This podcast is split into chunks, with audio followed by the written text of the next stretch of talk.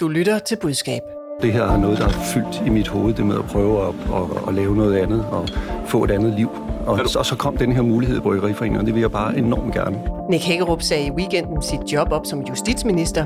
Han vil ikke være i politik mere. Han vil hellere være direktør i Bryggeriforeningen. Lyder det troværdigt, når en nu tidligere justitsminister kommer med sådan en melding? Hvad gør man egentlig, når man vil kommunikere et stop, uden at efterlade rum til spekulation? Og er det overhovedet muligt, altså at undgå spekulation? Velkommen til Budskab, Fagbladet Journalistens nyhedsmagasin om kommunikation, hvor vi også skal tættere på sandheden. Vi skal i hvert fald forsøge. Vi skal nemlig tale om enhedslistens nej tak til Jonathan Spang. Mit navn er Line Erlund.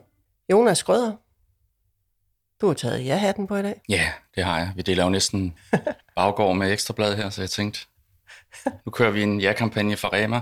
Men ja til gode tilbud selvfølgelig. Jeg ved ikke, om vi skal tillade reklamer her i studiet, men altså, det som folk øh, jo ikke kan se derude, lytterne ikke kan se derude, det er, at du har simpelthen en sort kasket på i dag, hvor der står et kæmpestort ja-udråbstegn på den ene side. Man bliver glad at have sådan en på. Jeg kan faktisk anbefale det. Jeg smiler folk til derude på gaden. Ja, ja. Okay. Hele vejen hen over rådhuspladsen. Okay, men jeg har et spørgsmål til dig, der ikke handler om Rema. Nemlig om, kan man sige op som justitsminister og kommunikere den opsigelse, uden at der opstår spekulation? Nej, det kan man ikke. Okay, velkommen. Du er kommunikationschef. Jeg kan næsten ikke få mig selv til at sige det nu. Men... I, I en daglig I en dagligvarerforretning. Tak, Asbjørn Havstrup. Du får samme spørgsmål, Asbjørn. Kan man sige op som justitsminister og kommunikere den opsigelse, uden at der opstår spekulation om motivet? Nej, men man, man kan gøre noget for at hegne det lidt ind, men nej, det kan man da ikke. Okay, velkommen. Du er kommunikationsdirektør i Energy og har en fortid blandt andet på Christiansborg som øh, rådgiver for de radikale Martin Lidegaard og også Margrethe Vestager. Vi begynder med ugens store nyhed, der tikkede ind på Facebook søndag aften, og derfra røg direkte ind i sendefladerne på radio og tv. Justitsminister Nick Hækkerup stopper som minister. Han skal i stedet være direktør i Bryggeriforeningen. Det skriver han på Facebook. Jeg er klar over, at mit valg om at stoppe i politik af mange sikkert vil blive fortolket som en utilfredshed, men det vil ikke være en rigtig læsning. Det er ikke politik, der skubber. Det er arbejdet i Bryggeriforeningen, der trækker, skriver Nick Hækkerup. Ja, umiddelbart før medierne gik i gul breaking, der lagde Nick Hækkerup selv et opslag op på Facebook, hvor han skrev, at han ville trække sig som justitsminister. Han takkede alle sine kolleger fra de øvrige politiske partier. Han takkede sit eget parti. Og så skrev han også det, som vi lige hørte i klippet her. Jeg citerer. Jeg er klar over, at mit valg om at stoppe i politik er mange sikkert vil blive fortolket som en utilfredshed, men det vil ikke være en rigtig læsning. Det er ikke politik, der skubber. Det er arbejdet i Bryggeriforeningen, der trækker. Asbjørn Havsrup, lyder det troværdigt, synes du? Ja, altså, det, det gør det jo øh, i, i den forstand, at han har valgt at gøre det, så, så der må jo være et eller andet i Bryggeriforeningen, der i hvert fald trækker mere end at være, være justitsminister. Men, men, øh, men det er klart, at man kan, ikke, man kan ikke lægge alle spekulationer ned i den her øh, type af, af, af situationer. Men hvis man kigger på hans Facebook-opslag, så kan man sige, at man, han adresserer jo det her med regeringens indre liv, og det synes jeg egentlig, han gør på en god måde. Og det er nok også det, han kan adressere, fordi... Altså, hvordan på en god måde? Jamen, han skriver, at, øh, at, øh, at, at han har været glad for samarbejdet i regeringen. Han har været glad for de resultater, der er opnået. Han, er, han takker øh, de øvrige ministre og Mette Frederiksen osv. Altså, nogle af de der ting, som man godt kunne spekulere i, altså om han havde kastet sig ud foran for mange biler på vegne af, af regeringschefen med nogle af de der sager, der har været, der måske har haft deres udspring i statsministeriet, men så også har ramt øh, justitsministeriet. Det synes jeg, han håndterer på en god måde. Så er der mange andre ting, som, øh, som der jo er spekulation omkring. Men det kan han ikke rigtig skrive om, fordi så bekræfter han næsten, at, øh, at der er en brand, der går røg af. Altså for eksempel, hvis han havde kommenteret FE-sagen, eller Mink-sagen, eller sådan noget i den retning. Så jeg synes egentlig, alt taget betragtning, synes jeg, det er et ret godt Facebook-opslag. Ja, og jeg kan så sige, at det har faktisk fået, nu var vi lige at tjekke her til morgen, øh, over 4.000 reaktioner, primært likes. Øh, der er mange, der er glade for det opslag derinde øh, af hans Facebook-venner, og der er øh, 2.000 kommentarer. Jeg har selvfølgelig ikke nærlæst dem alle sammen, men altså, de er overvejende positive. Jonas Grøder, synes du, det er troværdigt, det du læser på Facebook? Ja, det synes jeg egentlig, det er. Altså, han er jo et ordentligt menneske og skriver det på en, øh, på en super måde. Øhm, øh, hvis man læser lidt længere ned, skriver han jo også, øh, jeg har dog gennem den seneste tid kunne mærke en voksende trang til at blive udfordret på nye måder, og det er jo øh, altså politiksforhili for at sige, at øh, jeg er lidt træt det slider det her job, øh, og nu kan jeg godt tænke mig noget andet. Men altså ikke forkert, når der længere op i samme tekst står det her med, at det er jo egentlig ikke fordi politik, det, øh, det, det er ikke det, han vil, det er bare det andet, der trækker utrolig meget i ham. Øh, jamen, der vil jeg jo sige, ligesom Asbjørn, altså det, det trækker vel et eller andet sted, det bryggeriforening, ellers har han ikke sagt ja til det. Øh, Så du synes, det hænger sammen? Ja, det, jeg, jeg synes, altså nu snakker vi jo bare kommunikation, øh, ja. og der, der synes jeg ikke, det kan gøres øh, ret meget mere elegant, både at hvad skal sige, omfavne øh, det sted, han er, og, og de øh, kolleger, han, øh, han har, har haft, øh, og så også øh, sige øh, ja tak til det nye, og samtidig prøve at afmontere, at der er jo ikke noget øh, ydre drama i det her andet, end at øh, nu er der noget andet, der trækker. Okay, Asbjørn, det er vel en krise, når en justitsminister siger op? Jeg ved ikke, om det er en krise, men det er i hvert fald en, øh, en, øh, en svær situation for regeringen at håndtere, uden at der opstår en masse ballade. Hvad er målet så, synes du? Jamen, det er jo i virkeligheden måske at, at, at, øh, at få den her uh, omrokering af ministre, der skal foregå, til at foregå så, over så korte tidsspand som overhovedet muligt. Og det synes jeg er næsten det, der er klaret mest elegant. Altså, øh, han, han, øh, han skriver det her ud sidst på eftermiddagen. Øh, det kører selvfølgelig på aftenfladen. Næste dag, så kører de til, til dronningen om formiddagen. De nye ministre er klar. Øh, han giver det sidste interview med et stort drenget smil fra bagsædet af ministerbilen på vej ind til Amalienborg, øh, hvor han forholder sig på en i øvrigt også utrolig elegant måde til nogle af de der substansproblemer, der kan være i at gå fra at være minister til at, at blive øllobbyist. Øhm, og det, man så... Skal vi ikke lige prøve at høre det? Jo, Fordi jo. nu, nu, nu, nu øh, man skal næsten tro, du sad med min manuskript, for det, du siger nu, det er jo faktisk noget, jeg havde tænkt mig. Men du har gjort det meget smukkere, end jeg kunne gøre, Asbjørn. Så lad os lige prøve at høre, hvordan det lød, da Hækkerup han var på vej ind øh, til dronningen på et eller andet tidspunkt, når der opstår en mulighed, som den her med Bryggeriforeningen, så bliver man jo nødt til at slå kunne, til. Kunne de have ventet? Var det dem, der pressede dig til, ligesom, at det skulle være nu? Nej, jeg er ikke blevet presset. Jeg har, jeg har selv valgt øh, at gøre det her, og, og sagerne vil jo få deres svar under alle omstændigheder, for det er jo ikke personafhængigt. Det er afhængigt af, at der er en justitsminister, hvis, og det vil hvis der er være. noget, der øh, man kun kan få svar på hos dig, må vi så godt ringe til dig og spørge? I må altid gerne ringe. Har du nu, at er, nu er jeg heldigvis ikke forpligtet til at tage telefonen i samme omfang mere. Nej, det er han vel ikke. Men hvad er det, du synes, han gør så godt der? Jamen, jeg synes, at øh, altså, det er jo al den kommunikation, der ligger i det, han ikke siger. Altså, det, man, I virkeligheden burde vi kunne se billedsiden her i podcast, fordi det er et meget afvæbnende billede af en, en, en mand med et stort, ikke sådan overlegnet eller noget som helst andet smil, men et, et mand med, en mand med et ansigtsudtryk, der anerkender det dilemma, der kan være i det her, men også afdramatiserer det på en, øh, en god måde med sådan nogle ret jævne udtalelser. Øh, det er ikke til høre, men det er, tæt, det er tæt på at være det, og, og det synes jeg faktisk øh, fungerer nogenlunde godt. Jonas? Ja, nu øh, får han jo et chok, når han møder ind, fordi at, øh, der sidder altså Carlsberg bagved og forventer, at han tager den telefon der, når den ringer.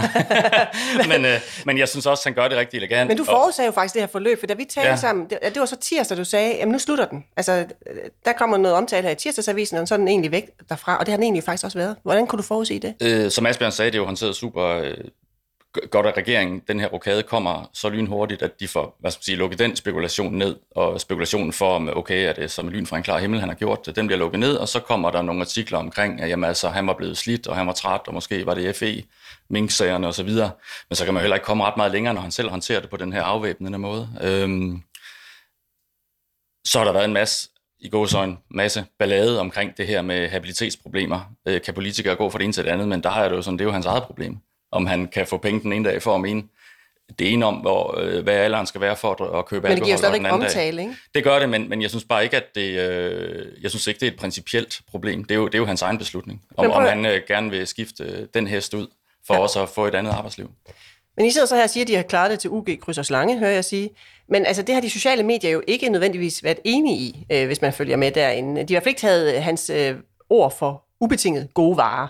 Øh, der er flere spekulationer omkring hans stop. Øh, hvis man kigger ind på Twitter, det kan man jo gøre en gang imellem. Øh, der, der var godt gang i den, lad os sige det sådan, søndag aften og også mandag. Mads Kastrup, der er opinion, opinionsredaktør på Ekstrabladet, han skrev, nu har vi så fået at vide, at øl modsat et Big Brother-samfund i virkeligheden er Nick Hækkerups vådeste drøm. Så vi ikke bare sige det, som vi ser det. Nick Hækkerup lyver. Øh, og Martin Aarup, der er direktør i Cepos, skrev, hvad ved Nick Hækkerup, som vi andre endnu ikke ved? Og Monique, øh, Nick Hækker, eller, øh, Monique Martin Aarup og andre her tænker på den minkkommission, der er i fuld gang med at arbejde med at kortlægge ansvaret for 17 millioner mink, der mistede livet under øh, coronakrisen. Der er anklagemyndighedens øh, mørkelagte sag, som jeg også har nævnt mod den tidligere spi- spionchef Lars Finsen. Han er anklaget, han er faktisk endda været varetægtsfængslet for lækage. Nå, men de her mistanker og spekulationer, de fandt også frem til Nick Hækkerup på Malienborg Slotsplads, som du også nævnte lige før, Asbjørn Havstrup. Skal vi ikke lige prøve at høre, hvordan øh, statsministeren hun øh, forholdt sig til spørgsmålene?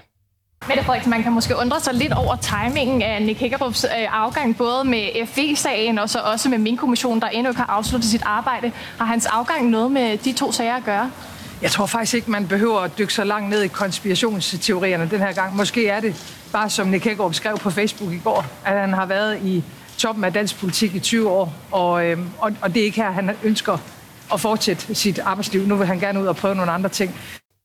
Asbjørn, de får jo ikke lukket for den spekulation, for der er i hvert fald spørgsmål om det, og det foregår også på sociale medier, men der har også været artikler om det. Så hvorfor er det, du alligevel roser ham og regeringen for håndteringen? Jamen, det er fordi, der er jo ikke et svar på de spørgsmål der. Øh, og i virkeligheden så, så minimerer de jo trykket af de der spørgsmål ved for eksempel ikke at indkalde til pressemøde, eller ved at han ikke stiller ret meget op, ved at det foregår i det her øh, kontrollerbare format, som et Facebook-opslag trods alt er. Og det er rigtigt, at der står en masse ting på Twitter, men hvis, hvis man er ansat i et parti, så er man selvfølgelig på Twitter og, og prøver at mitigere det, der er på vej. Men, men det, man navigerer efter, det er jo, hvad er det, der sådan sætter sig i den brede offentlighed, og fordi der er en eller anden for frihedsbrevet, eller øh, en, en, en redaktør på Ekstrabladet, der skriver et skarpt tweet, altså det har jo ingen betydning øh, for regeringen, hvis man skulle være en lille smule grov. Hvorfor, det er det kun, hvorfor har det ikke nogen betydning? En, det er det kun, hvis det, det, det tweet kan jo være starten på et eller andet, der så sætter sig. Men, men det, det sætter sig ikke her, fordi han er jo, øh, han er jo ude af billedet. Han, det lykkes dem at afvæbne det her, og han er videre. Og i dag, på trods af, at jeg er enig med dig i, at Carlsberg vil kræve, at han tager øh, telefonen, når de ringer, så er han jo ikke længere justitsminister. Nu er det Tesfaye, man skal gå til, og Hækkerup er væk, og så, og så er det egentlig lagt lidt dødt. Men kan der ikke komme en boomerang til ham? Lad os nu sige, at øh, spionchefen han bliver løsladt, lige man frafalder alle sigtelser. Jeg ved jo ikke, hvad der kommer til at ske i den sag. Vi ved ikke, hvad der kommer til at ske med Mink-kommissionen. Men, men er faren drevet over for Nick Hækkerup, eller kan der komme en boomerang, øh, der rammer ham i forhold til, at han forlod posten nu? Øh, jamen, det kan der jo godt, men at den vil jo ramme ham hårdt, hvis han var der, og der var noget om det. Øh, fordi nu er det historie, og han vil med garanti også sige, jamen, jeg er nu direktør i Bryggeriforeningen, og derfor så kommenterer jeg jo ikke øh, på min tid som justitsminister mere. Det må den øh, nuværende gøre, så at der ikke kommer alt for meget råd det. Det har man jo hørt før. Øh, og så er jeg jo også enig med Asbjørn i, selvfølgelig, altså selvfølgelig kommer der tweets om, og alt muligt andet om politikere, der, der altså de, de får jo også en kæmpe sviner, dem der aldrig har prøvet at have et rigtigt job, og det får man så også på vej ud af døren til et uh, nogenlunde rigtigt job, så det er sgu svært.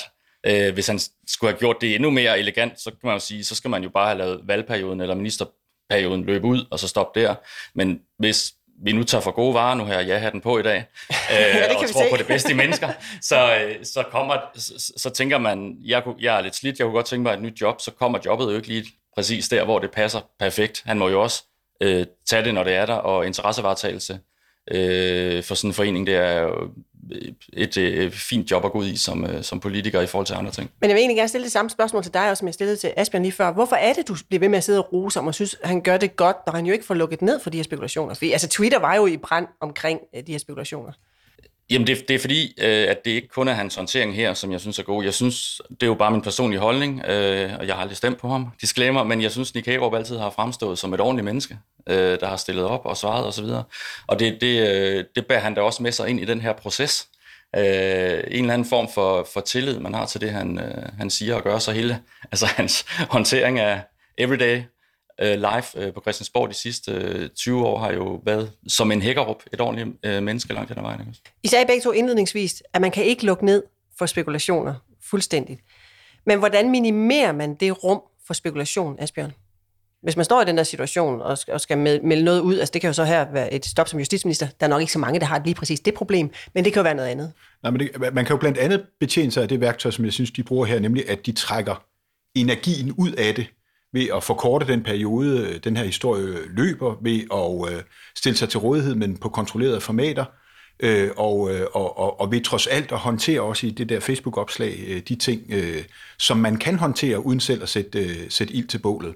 Den anden del af det er jo, at det der også sådan set er i bunden af det der Facebook-opslag, alle de der 2.000 kommentarer, du taler om, er jo alle mulige mennesker, der skriver helt utrolig pænt om Nick Hækrup til højre og venstre. Og det er jo ikke kun dig, der har siddet og kigget på det. Det er også de journalister, der skal skrive, for jeg tror også, den er død nu, som, øh, som du siger, Jonas, men der vil jo i weekenden vil der jo garanteret komme sådan nogle øh, artiklen om Hækkerup-klanen, og hvem er nu den næste, og der er noget med, at hans datter stiller op og sådan noget.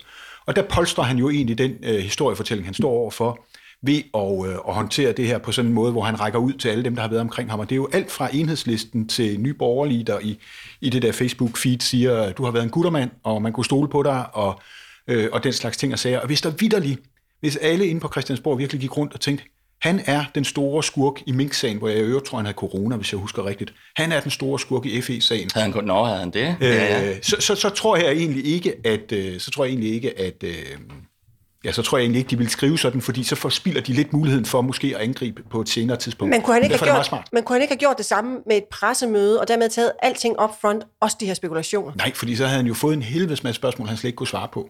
Og havde det ikke været mere redeligt? Øh, jo, men det er jo ikke det, vi taler om i det her program, jævnført tidligere programmer. Vi taler om, hvordan man håndterer pressen på den bedst mulige måde, og jeg synes, at de håndterer det virkelig godt. Øh, Indkaldt til et pressemøde omkring det her vil jo også signalere drama, simpelthen. Ja. Vi lukker ned her, og så vender vi tilbage til det der med den demokratiske forpligtelse for rådgiver Asbjørn Havstrup og deltage i den offentlige samtale.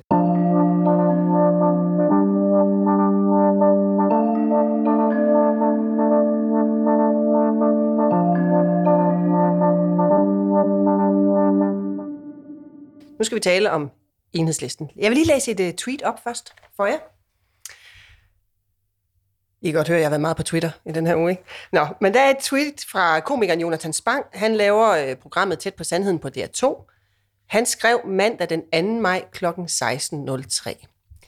Kan det passe, at der ikke er en eneste fra enhedslisten, der har tid, lyst og lejlighed til at tale med os i Tæt på Sandheden? Vi har i ugevis haft lyst til at blive klogere, og det er som om I bare har mere og mere travlt, at I er blevet til jeres kundeservice.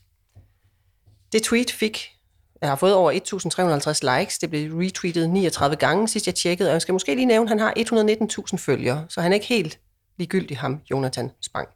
Asbjørn Havstrup, er det et problem for enhedslisten, at der eksisterer sådan et tweet? Jeg tror ikke, det er et kæmpestort problem, men, men selvfølgelig er det et... Øh, det var rart, hvis det ikke eksisterede. Øh, det er jo, øh, han har rigtig mange følgere, men det er jo tweet blandt utrolig mange, der løber i løbet af sådan en dag, og det er jo heller ikke en historie, som er løbet over i andre medier, at de ikke vil stille op. Men selvfølgelig skal man overveje det. Det er jo det, man overvejer. Hvis man overvejer, at man går ind i et satireprogram, så ved man jo godt, at man skal ind og have tæsk. Men nogle gange kommer man bedre ud af at modtage de tæsk på en god måde, end ved at sige, det vil man ikke. Og det er jo den afvejning, der er. Jeg tror ikke, det her tweet i sig selv øh, er et kæmpestort problem for enhedslisten, men selvfølgelig skal de passe på. Ja, jeg skal lige sige, at enhedslisten siger til os, at det er på grund af travlhed, de ikke deltog i den udsendelse. Jonas Grøder, øh, du, du kan jo godt selv lige være på Twitter. Hvad, gjorde, hvad vil du gøre, hvis du sad der og var øh, rådgiver hos enhedslisten, og der kom sådan et tweet? Vil du svare, øh, ja tak, vi kommer? Bare for at starte et andet sted, så synes jeg jo, det er jo en utrolig Ej, jeg spændende have, du tid. på øh, det, ja, jeg det skal jeg nok, men det er bare en spændende tid, vi lever i, fordi sådan i gode gamle dage, der kunne man jo sige nej til kontant. Og så øh, 9 ud af 10 gange, så jagtede de ikke en ned på gaden, så måtte de jo æde den og sige det sidste i programmet, at de ville ikke stille op eller først, og okay, så var den lukket. Men i dag, der skal man lige præcis håndtere et nej på en anden måde, fordi det kan jo blive til en historie udenom programmet med alle de her sociale medier, så det er jo spændende i sig selv. Altså det vil jeg jo for eksempel have sagt til enhedslisten, vi bliver jo nødt til at øh, have en plan for at håndtere, at vi siger nej, fordi det kan jo blive en historie alligevel ret nemt på for eksempel Jonathan Sparks. Jeg kan da for eksempel sige, at Telias kundeservice, de har været kvikke, og de har været inde og svare og, øh, og går lidt i rette med. Så langsomt er de altså Ja, det er øh, sjovt, ikke også? Det, det, er jo, det er jo rigtig fint af dem. Men, men hvad vil du svare? Vil du sige, ja tak, vi kommer? Jeg synes, at øh, ja, ja, det vil jeg. Øh, og jeg synes, at øh, igen, det er jo super spændende øh, tid, vi lever i, fordi at øh, underholdning og, øh, og journalistiske programmer, det flyder rigtig meget sammen, og derfor så øh, skal man ikke som, hvad skal man sige, i gamle dage øh, sige nej ud med den. Det er satire på DR2, vi tager kun øh, deadline til avisen. Øh, der, der er så mange hybridprogrammer, som egentlig Jonas Spangs øh, show jo er en, et udtryk for. Det er jo bare journalistik, hvor man råber lidt højt.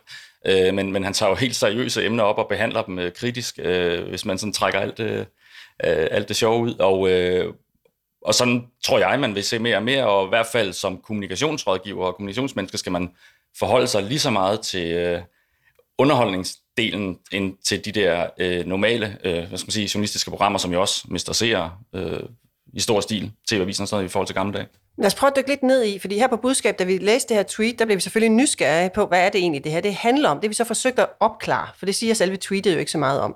Sagen er den, at enhedslisten for en del uger siden, tilbage i marts, takkede nej til at deltage tæt på sandheden. Det var den gang, hvis I husker det, at enhedslisten lige selv skulle finde ud af, hvad de egentlig i partiet mente om NATO og Putins krig i Ukraine. I husker måske, at nogen i partiet mente, at Ukraine havde en del af skylden for invasionen, og nogen vi også have Danmark ud af NATO hurtigst muligt. Det forhold, at enhedslisten ikke stillede op i tæt på sandheden, det forhindrede dog ikke Jonathan Spang i at tale om enhedslisten og partiets forhold til krigen og NATO. Det lød blandt andet sådan her. Hvor de rigtige partier har en form for hierarki og politisk linje, hvor man kan bede de værste idioter om at holde deres kæft, så er der jo i enhedslisten åbenbart plads til, at alle skal kunne holde talebamsen og sige ting som Ukraine bærer også en del af ansvaret, som folketingsmedlem for partiet Christian Juhl sagde i Jyllandsposten. Ja, så kigger jeg over på dig, Asbjørn Havstrup. Synes du, det er bedre for enhedslisten, at Jonathan Spang taler om dem på den her måde, end at de selv havde været med? Nej, det synes jeg ikke. Men, men det der jo er overvejelsen, tror jeg, hvis man sidder og er altså sådan nogen som os, nogen, der skal rådgive nogen, der skal overveje, om de skal i et satireprogram, hvis man er, hvis man er ansat i, i kommunikationsafdelingen i enhedslisten, det er jo, har jeg nogen, der kan gå ind og, øh, og være i det satireprogram på en god måde, fordi det er sådan et, det er sådan et helt særligt format, øh, som man kan få ret meget ud af at stille op til, hvis man øh, er god til øh, at, at give lidt slip på sin egen position, hvis man kan signalere lidt selvironi og distance til, til den, man er. Og det tror man, du ikke, de kan i enhedslisten? Nej, altså det, jo, det kan godt være, men jeg vil tro, det er sådan noget, jeg vil overveje, hvis jeg skulle rådgive til det, fordi det handler jo om, at, at altså det er lidt ligesom, du kan ikke diskutere tro med troende. Og hvis, øh, hvis øh, de virkelig mener øh, nogle af, nu tror jeg, det, den her gang var det det der med det der med mænd og ikke mænd, ikke? hvis de virkelig mener nogle af de der ting, så kan det jo godt være svært at gå ind i programmet og med den rigtige attitude, så man i virkeligheden får noget ud af at tage imod det røg, der er der. Skal vi ikke lige tage den her, for nu nævner du mænd, ikke mænd. Skal vi ikke lige tage, fordi øhm, det, det, der er sket i denne her uge, der har de takket nej igen, og det er jo deraf tweetet, det egentlig kommer øh, fra Jonathan Spang. Han tweetede ikke noget sidst, så vidt jeg kan se. Men i en forgang nu, der har de talt om køn i enhedslisten. I lokalafdelingen i Aarhus, der skulle partiet stemme om øh, eksklusion af et medlem for sexchikane. Medlemmerne kunne så bede om tilladelse til at tale. Øh, først så skulle de dog lige meddele, om de tilhørte gruppen mænd eller gruppen ikke mænd. Det har så givet øh, noget debat, det har også givet mediedækning, for eksempel i politikken, som i sidste uge bragte en artikel med overskriften. Enhedslistens kønsopdeling bliver kaldt kukuk. Der er kun mænd og ikke mænd. Og i Berlingske, som kørte nyheden, der stod der stor frustration over kønsopdeling i enhedslisten. At være kvinde var ikke en mulighed. Asbjørn Havstrup, så tilbage til dig. Øh, det, det, det får så enhedslisten til at, eller de har i hvert fald takket nej. Ifølge dem, de siger til os, det er på grund af travlhed. Øh, de har også meddelt, at Peter Velblom gerne kommer i næste uge. Jeg ved så ikke, hvad det er, de skal tale om der. Øh, men det her med at have for travlt til at deltage, holder det? Nej, det gør det jo ikke rigtigt, men hvis man ikke tror, man kan gøre en, øh, en god figur, så tror jeg, at, at, at så vil jeg næsten hellere have, at han laver satire til en dør, for de slipper jo ikke fri.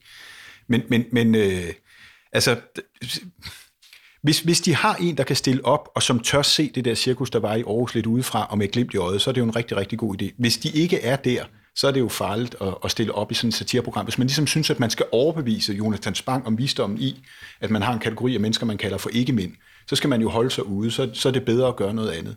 I den sidste udgave af, af, af Tæt på Sandheden, der var Jens Jol, socialdemokratisk folketingsmedlem, og Morten Messerschmidt øh, fra DF inden sammen og skulle argumentere for henholdsvis et ja eller et nej til, til, øh, til den kommende folkeafstemning. Og over for et panel af børn. Og Messerschmidt tabte 0-3 til de her børn i, øh, hvad, de, hvad de ville stemme. Men han havde en utrolig hyggelig øh, udveksling om dem med, hvorvidt han boede på bakken om sommeren. Og det var jo det, der gav det der feel-good moment, der gjorde, at han egentlig kom rigtig godt ud af det indslag, selvom det var ham, der tabte det. Og hvis man kan være i et satireprogram på den måde, så skal man stille op. Hvis man ikke kan, så skal man lade være. Jonas, hvad vil du sige det enhedslisten? Jeg kan forstå, altså der i forhold til NATO, der vil du sige, at man skal stille op. Vil du også stille op på den her mand, ikke mand? Ja, for, altså nu øh, har jeg aldrig prøvet at arbejde i et parti øh, med at rådgive dem, men jeg vil i hvert fald sige, hvis jeg, jeg sad der, hvor jeg sidder i dag, og vi var ude i noget lignende, så vil jeg sige, som Asbjørn siger, hvis, man ikke, altså, hvis vi ikke har en, der kan stille op til det der, så må vi få fat i en.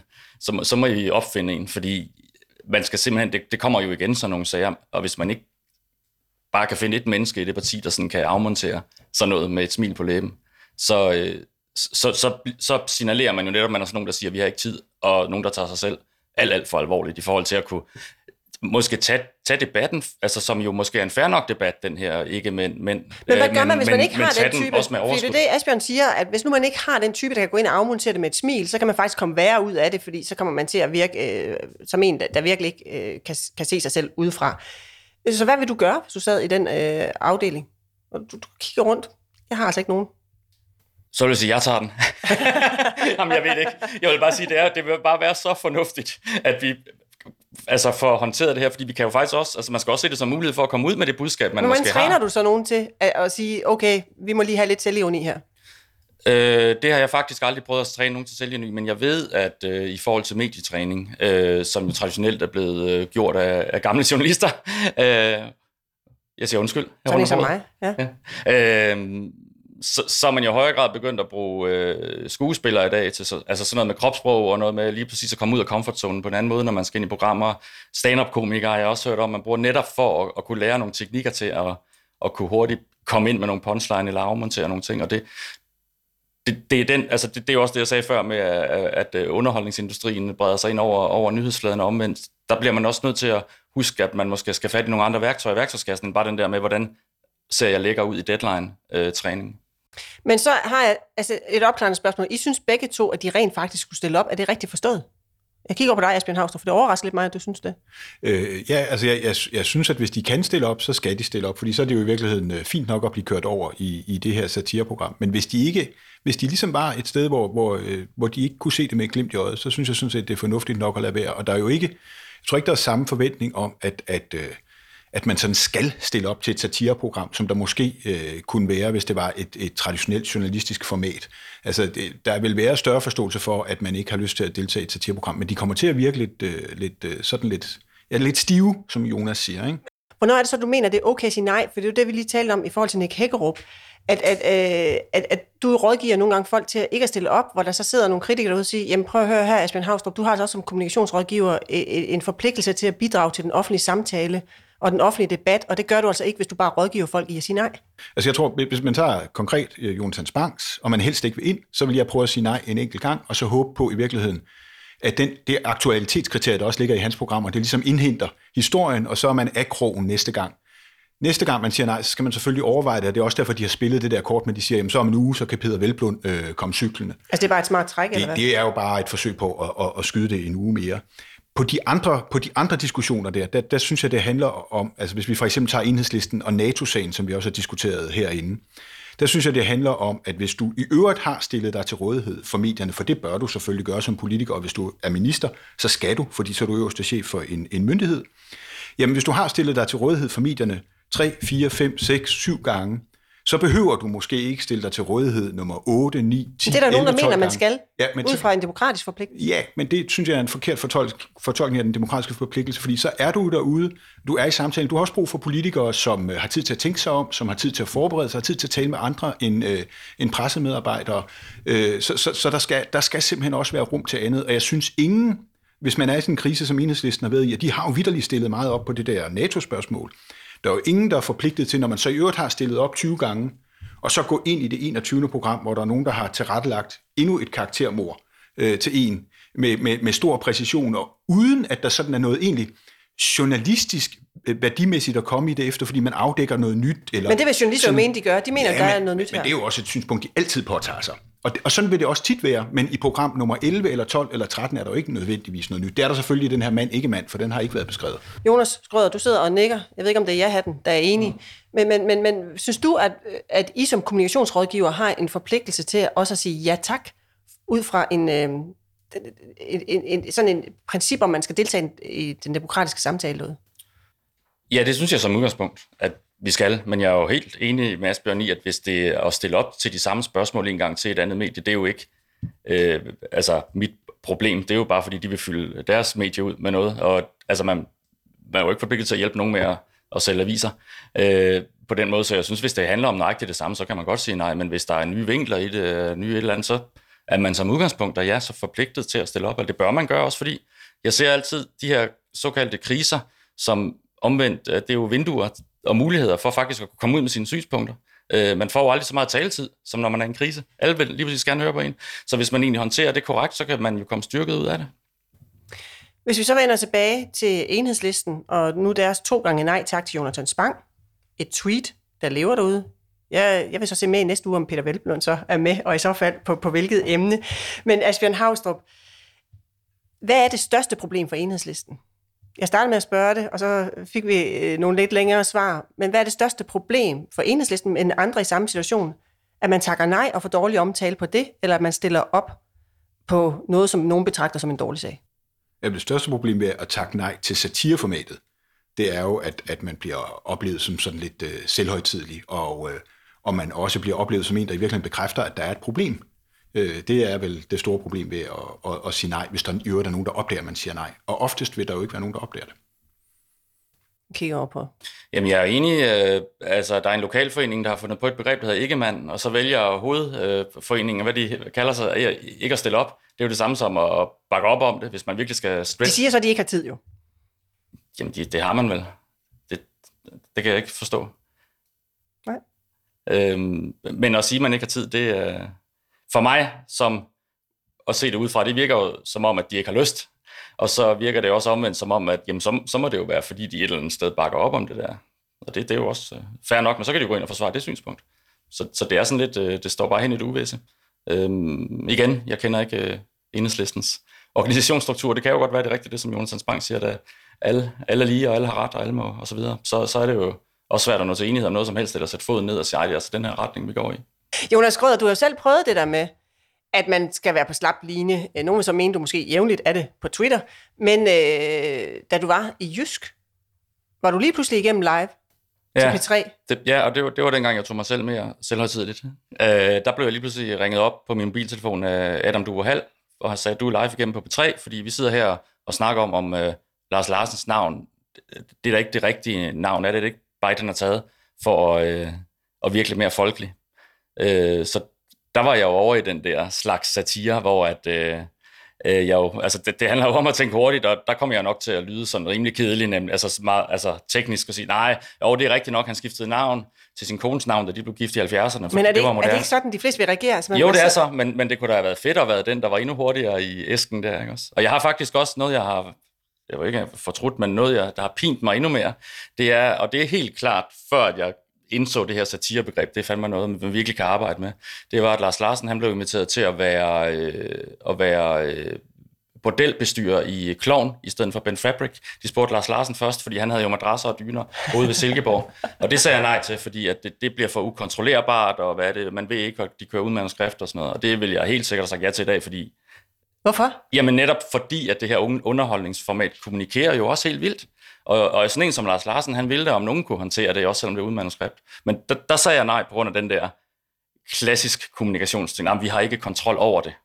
Øh, nej, Men er der ikke også helt noget at være bange for, hvis det er, at du siger, at Lars Larsen lige skulle være med i kloven og noget med noget... Jo, bordeller og madrasser, og øh, så ringer alle alarmklokker. Men jeg tror bare, altså nu snakkede vi også om det her med, at man skal jo have en, der kan håndtere det set se det i bagspejlet, det kunne han da have gjort. Og hvis jeg også havde sat mig lidt ind i klovn-universet og kigget på det med, den, med, de, med de øjne, så ville jeg jo også have kunne se, at de hænger jo ikke nogen ud. Det, det, der spiller de jo de der kendte så gode, eller, eller bruger dem på, på en, en, en sjov måde. Så, så det, det var da en for hurtig beslutning ud fra sådan en klassisk kommunikation. Nej, det har vi ikke kontrol over, så nej tak. Men prøv at høre, det blev jo Danmarks mest sete film øh, det år i biografen, så det var da, det var da en total fejl ikke at, ikke at sige ja, så det, det, det skulle jeg gennemtænke noget mere. Og jeg skal lige sige, at øh, enhedslisten har ikke haft mulighed for at deltage her, men de har så svaret os på sms om, at de har for travlt. Øh, Jonathan Spang øh, har heller ikke haft mulighed. Og så skal jeg også sige i forhold til Nick Hækkerups emne, Nick Hækkerup har ikke ønsket at deltage i flyskab. Jonas Grøder, kommunikationschef i Rema 1000. Man får næsten lyst til, undskyld Asbjørn, sige ja tak. Kan du huske den der Aarhus-historie? Det er fordi, du kom fra Aarhus jo. Jeg kan godt huske. Ja tak, ja tak, ja tak. Men Jonas Grøder, kommunikationschef i Rema 1000. Tak for input til dagens emne, og også tak til dig, Asbjørn Havstrup. Du er kommunikationsdirektør i Energy. Du lyttede til Budskab, der er skabt af Fagbladet Journalisten. Redaktør er Marie Nyhus. Rakkerpark Productions står for lyd og teknik. I dagens afsnit har du hørt klip fra DR, TV2 News, 24-7, Radio 4, TV2 og DR2. Du kan abonnere på vores podcast. Giv den meget gerne en anmeldelse på din vej. Mit navn er Line Arnlund. Og husk, ord er ikke bare ord. Tilsammen udgør de dit budskab.